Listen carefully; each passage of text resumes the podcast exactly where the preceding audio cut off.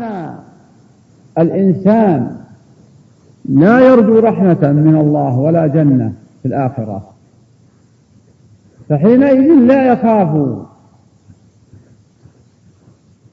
عقوبة في الدنيا معجلة ولا يخاف عقوبة مؤخرة في النار. لأنه ما آمن فقد تصديقه بالجنة والنار فلم يبالي وحينئذ يكون الشيطان علمه هذه الأمور. والشيطان قد عرف أنه مطرود ومبعد عن رحمة الله. طريد وبعيد عن رحمة الله. ولما أبعده الله عن رحمته قال الشيطان لأملأن جهنم. طيب إذا على الإنسان أن يخشى من هذا الضرر. ومن كان عنده مسكة عقل فإنه يتحاشى اتباع شياطين الجن والإنس حتى ولو كان فاسق الإنسان.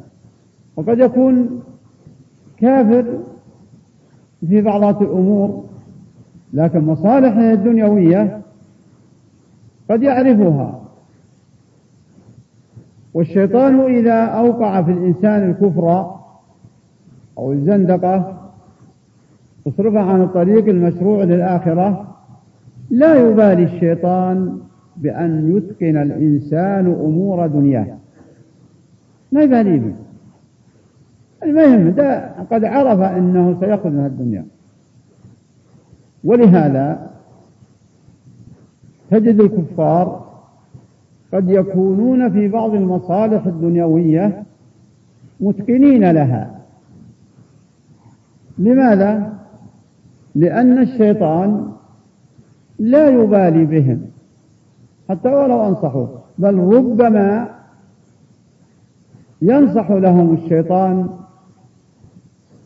في الاعتدال في أمور دنياهم من أجل أن يعيشوا فيها عيشة دنيوية بهيمية. ولهذا تجد البهيمة ما عندك اريح منها. إذا اسرحت ولا جعلها علف تأكل مطمئنة لأنها ما يهمها إلا ما يطرح لها من العلف أو ما تأكله من البراري فكذلك الكافر. كذلك الكافر. فالسحر بلى. يحذر منه المسلم. وهذا التحذير لما كان موجودا في قديم الدنيا. ما في مجتمع يخلو من السحر والسحرة لكن مقل ومستكثر. فكلما قويت عقيدة التوحيد وقويت لا إله إلا الله محمد رسول الله في قلوب المجتمع قل أولا أن هذه أن من أن من تفكر في معناها عصمته وأحصنته عن الوقوع في المحرمات. وثانيا أن المجتمع يقوم بالتنفيذ الشرعي على من تعاطى المحرمات من السحر وغيره. فإذا عرف صاحب الشر أنه سينفذ فيه حد الله سواء كان صاحب الشر ساحرا أو زانيا أو شاربا مسكرا أو مستوردا مخدرا وكان عنده عقلية راجحة ترك الشر خوفا على دنياه إذا لم يكن خائفا من آخرته. فالمسلم يترك أمور الشر والمحرمات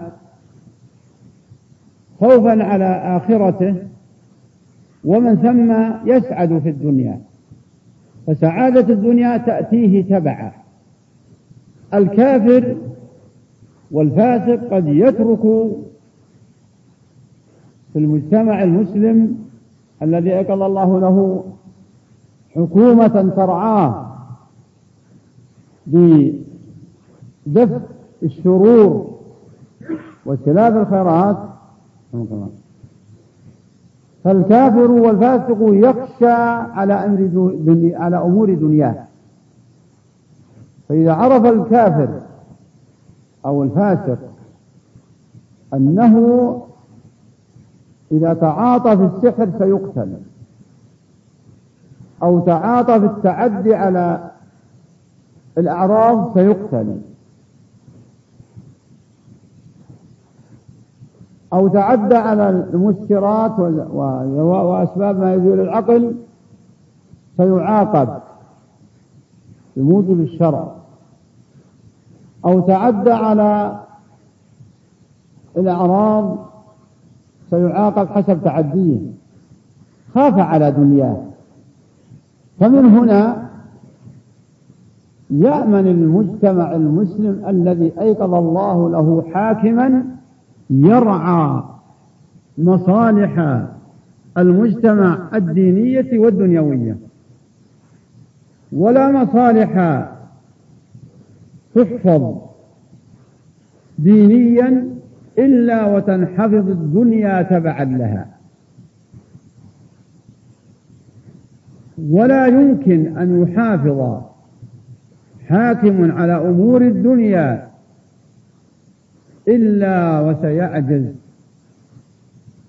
في حين من الأحيان لأن حفظ الدنيا فقط بدون قصد الدين وتنفيذ أحكام الإسلام مهما كان. لو يقتل نصف الناس ما استطاع على السيطرة ما دامت ليست دينيا. فالسحر من أكبر ما يؤثر على العقول.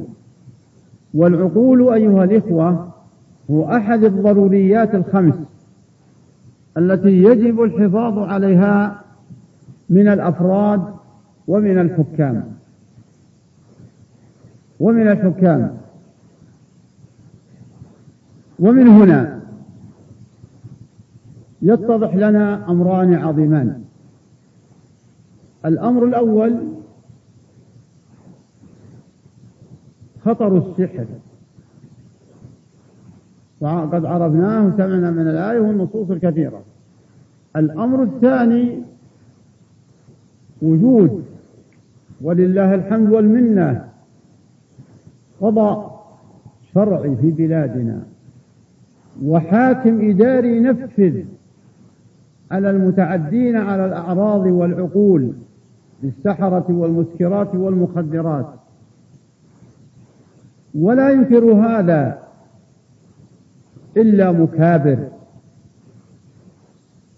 فالمجتمعات في الأول يصعب اطلاع مجتمع على مجتمع آخر ولو مجاور وأما اليوم فلا يخفى مجتمع على أي مجتمع. فكل واحد منا صغير أو كبير لا يخفى عليه ما نحن فيه من نعم الأمن والإيمان. ومن إظهار شعائر الإسلام. بينما إذا أبعد النظر إلى أقرب مجاورين ماذا عندهم؟ من فساد يخل بالضروريات الخمس.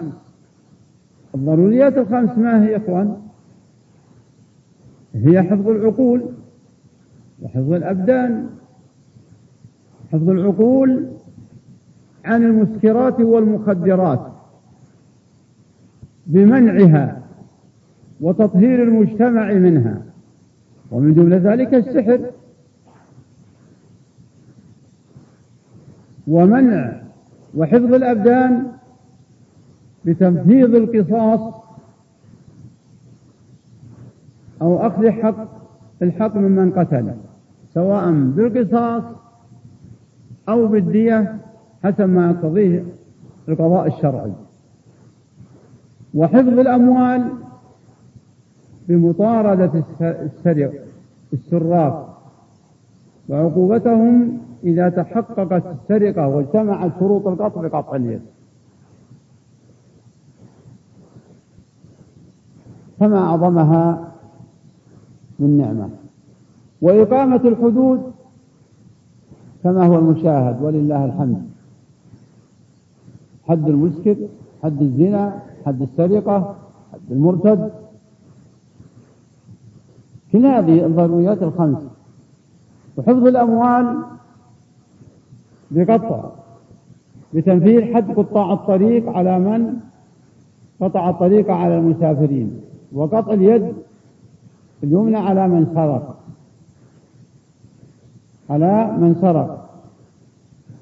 وهذه إقامة الحدود. وإقامة شعائر الإسلام من إقامة الجمعة والجماعة. صلى الله عليه وسلم فضله. وإقامة شعيرة الحج ما مر زمن أصبح فيه الحج مثل هذه هذا الوقت في هذه البلد ولله الحمد والمنة. أكثر ما يبلغ الحجاج. في القديم خمسين ألف ستين ألف مئة ألف لما وصل شيء عهدناه قريب نذكره ونذكر بعضنا. 130 قال أوه كثر الحجاج وش وين مكة اللي تاخذهم والآن ولله الحمد والمنة ما يزيد على المليون. وكله يقضي, يقضي حجهم ولله الحمد والمنة بكل بساطة. بالله ثم برعاية شعائر الإسلام وحفظها. فالسحر والسحرة يجب أن نتنبه لهم وأن نتعاون مع المسؤولين لأن مثل مجتمعنا ولله الحمد يد واحدة. على إزالة المفسدين. واتبعوا ما تتلو الشياطين على ملك سليمان وما كفر سليمان ولكن الشياطين كفروا. يعلمون الناس السحر وما أنزل على ملكين ببابل هاروت وماروت وما يعلمان من أحد حتى يقول إنما نحن فتنة فلا تكفر. فدل على أنه كفر. ثم قال في ختام الآية ولقد علموا لمن اشتراه ما له في الآخرة من خلاق. فإذا علم الإنسان أنه ما له نصيب في الآخرة فماذا يريد بالسحر؟ فلا يمكن أن يتعاطى بالسحر أحد وله نصيب في الآخرة. ولا يجوز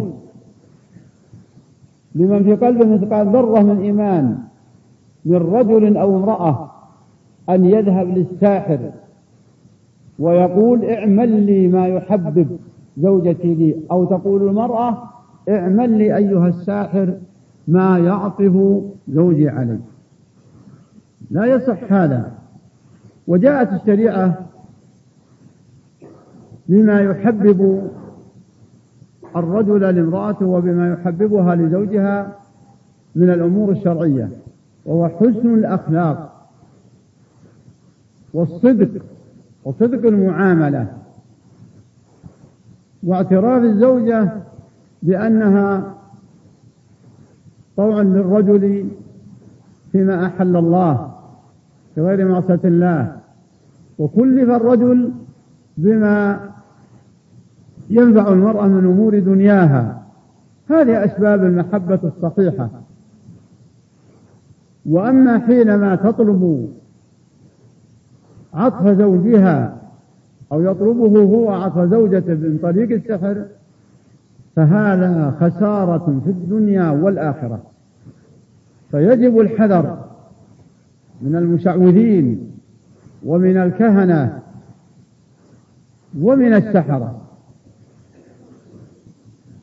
ويكفي المسلم قوله تعالى, قوله تعالى ولقد علموا لمن اشتراه ما له في الآخرة من خلاق.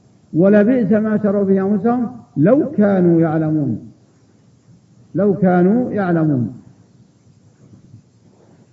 وذم الله اليهود الذين صد الذين يصدقون ويعملون السحر بقوله ألم تر إلى الذين أوتوا نصيبا من الكتاب يؤمنون بالجبت والطاغوت؟ يعني يوافقون عليها. فدل على أن من صدق بالسحر وهو الجبت ليس مؤمنا حقا. ومن آمن بالطاغوت ليس مؤمنا حقا. ليس مؤمن. طاغوت هو الذي يعبد من دون الله. طاغوت الشيطان وهو الذي يعبد من دون الله. وهل اليهود تؤمن بالطاغوت يا إخوان؟ اليهود الطاغوت هي الأصنام وعبادة المخلوقين عبادة الأصنام. اليهود تخالف العرب في هذا. ما ترى عبادة الأصنام لكن جحدوا رسالة محمد واشتغلوا بالسحر فكفروا بأمور أخرى. وآمنوا بالسحر مجاراة للعرب لأجل يتكاتفون على رسول الله صلى الله عليه وسلم. ولكن الله أبطل كيد الكائدين من يهود وكفار. وجاء في الشرع أن حد الساحر القتل كما قال صلى الله عليه وسلم في الصحيحين أن الساحر من جملة السبعة الذين يقتلون حدهم في الدنيا. وجاء عن الصحابة أنهم قتلوا ثلاثة سواحر. وأن إحدى زوجات النبي قتلت جارية لها سحرتها. جارية لها سحرتها. والسحر يؤثر كما سمعنا في الأول على العقل وعلى البدن.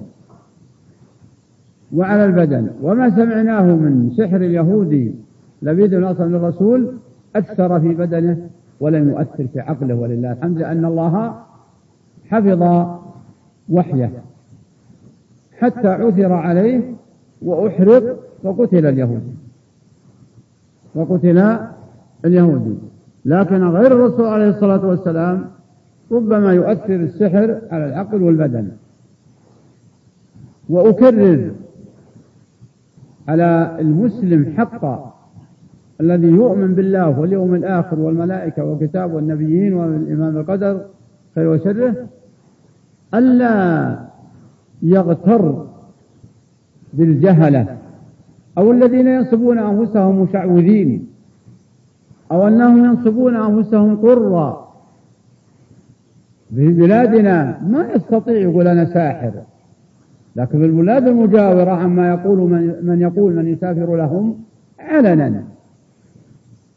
وقد وجد أفراد اغتر من نفس أفرادنا فأصبحوا يسافرون للسحرة في الدوار المجاورة. ماذا تريد حياتك؟ هل حياتك مكفولة لك إذا قدر أنك حيث شهر شهرين سنة سنتين عشر سنين سنة؟ إذا معناه عدم الإيمان. فمن صدق بالسحر وتعاطى بخرج من الإيمان. إذا وش فائدة حياتك؟ ماذا تريد بالحياة؟ ما دمت تقول إنك مسلم وتزعم إنك مسلم؟ فإن فإذا فعلت هذا فهذه فهذه طريقة الكفار. الذين لا يبالون إلا إلا بصحتهم ودنياهم. لأنهم لأنهم لا يؤمنون بالبعث ولا يؤمنون بعذاب القبر. ويقولون ما يهلكنا إلا الدهر. والإيمان بعذاب القبر والإيمان بالآخرة هذه عقيدة أهل السنة والجماعة كما جاء في القرآن وكما جاء في الرسول. لمن آمن بالقرآن وبسنة محمد صلى الله عليه وسلم. وإذا عرفنا السحر وخطره وتعاوننا على التحذير منه فلنحذر من الكهان. وهم المشعوذون الذين لم يصلوا إلى حد السحر ولكن طريقتهم طريقة السحرة. فمن أتى كاهنا وصدقه فقد كفر بما أنزل على محمد. لأنه لا يعلم الغيب إلا الله. فالكاهن إذا لو فرض أنه صدق فالذي علمته الشياطين. ولم تعلمه إلا وقد استخدمها. ولم يستخدمها إلا وقد أخل بإيمانه. فإذا عرفت هذا فاحذر من السحرة ومن الكهنة واعتصم بالله وعالج بالرقية الشرعية في القرآن والأدعية النبوية والإيمان بالله الإيمان اليقين. وأما ما حينما تمرض تذهب وتفزع لهؤلاء فتزيد مرض بدنك بمرض قلبك. تضيف لمرض البدن مرض القلب لا قوة إلا بالله. وتخسرهما عما قليل. أما أن يموت البدن أو تخسر العقل. ولقد جعل موضع السحر شيخ محمد عبد الوهاب رحمة الله عليه وسائر العلماء أحد أبواب كتاب التوحيد. لأنه قال كتاب التوحيد فذكر فيه النصوص الدالة على وجوب التوحيد لله في ربوبيته وإلهيته وأسماءه وصفاته. ثم جعل معظم ما يقارب من سبع ستين باب كلها في الشرور التي تنافي التوحيد أو تنافي كماله. كلها في التحذير لأن الإنسان إذا رغب شيء فليحذر عما يخالفه. فما أعظم هذا الكتاب والذي أنصح به كل مريد للخير من المسلمين أن يصحبه ويقرأه ويتذكر في أبواب في عناوين أبوابه فقط. وأن يتصل بمن يشرح له الفكرة فكرة الباب. لأنه إذا شرح فكرة الباب فبعد ذلك سيعرف موضوعات الأبواب. فأول باب ذكر فيه ما يوجب التوحيد واعبدوا وما خلقت الجن والانس إلا ليعبدون ولقد ذرنا لكل من توسعنا من دول بالطاغوت. وهكذا ذكر آيات من هذا النوع حديث معاذ. ثم الباب الثاني فضل التوحيد. الباب الثالث باب من حقق التوحيد الثواب دخل الجنة بغير حساب ولا عذاب. ما جاب شيء من كيس رحمة الله عليه وسائر علماء المسلمين. طيب وبعدين إيش بدأ به؟ بدا بعنوان كبير. باب الخوف من الشرك. ليش عقب الخوف من الشرك؟ لأن الشرك هو الذي يهدم التوحيد.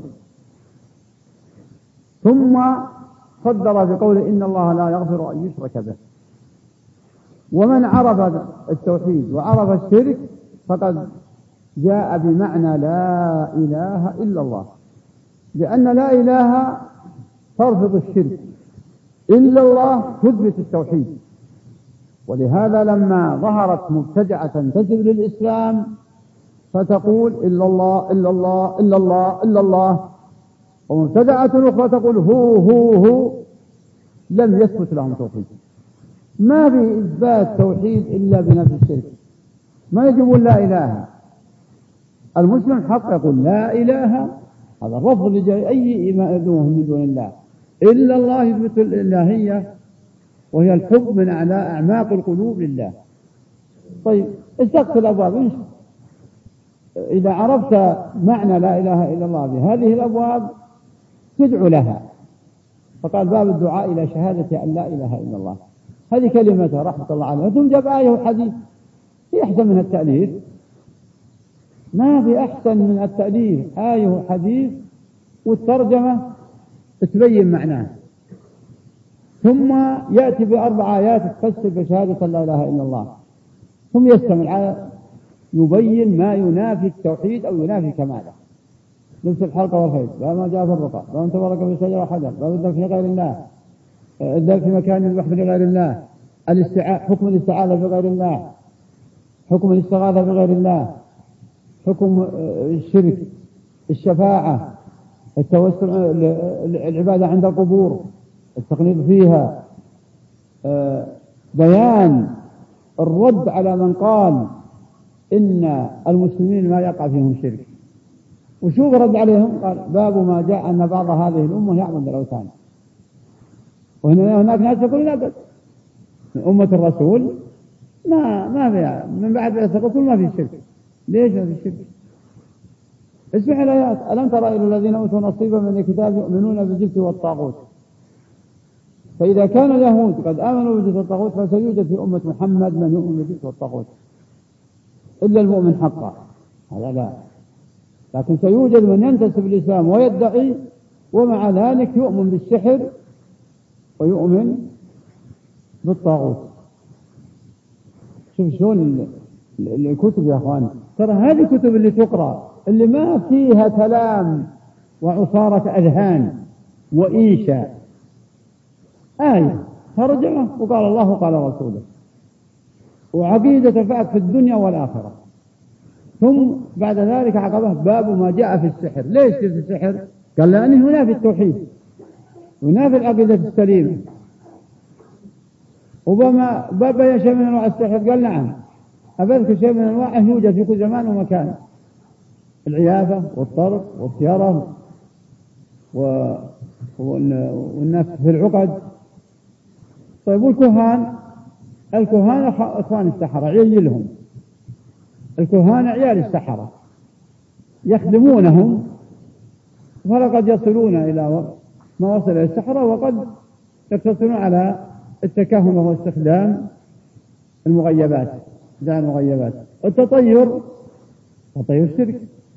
لا ينفع إلا الله الطير عنده مسكين إذا يقترب مع الجو. إذا جاء مع الجو قالوا جهل خير خير. وكانوا حطوا على النساء كذا. ولا إنسان ثيابا قالوا كذا. وش عند الطيور اللي تطير في السماء من من من من الدبرة. النجوم كانت الكفار تعبد النجوم وتستغيث بها وتعلق بها النفع وقد باب ما جاء في النجوم. إنها خلق من خلق الله.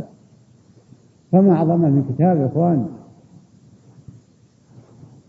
ويجب أن نفكر بالذين قرروه على المتوسط. عبرة ليش ما ليش ما ما نتساءل؟ يعني كلنا إحنا متعلمين ودرسين دراسات نظامية. فلا يكون عبرة. ما قرر إلا لما احتوى عليه. من صيانة العقيدة عما ينافيها أو ينافي كمالها.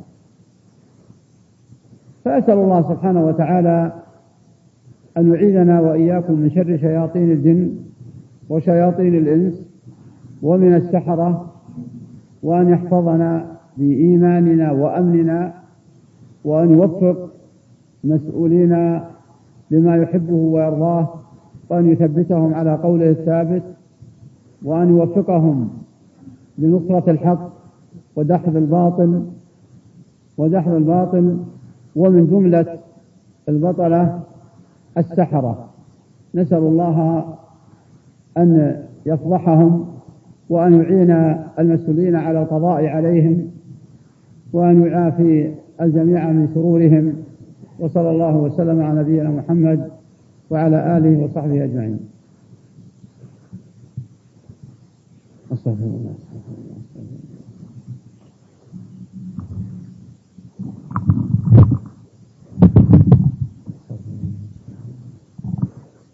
جزا الله فضيلة الشيخ خير الجزاء على هذه المحاضرة الطيبة ورد الكثير من الأسئلة ولعلنا نقتصر على ما يتسع الوقت لعرضه.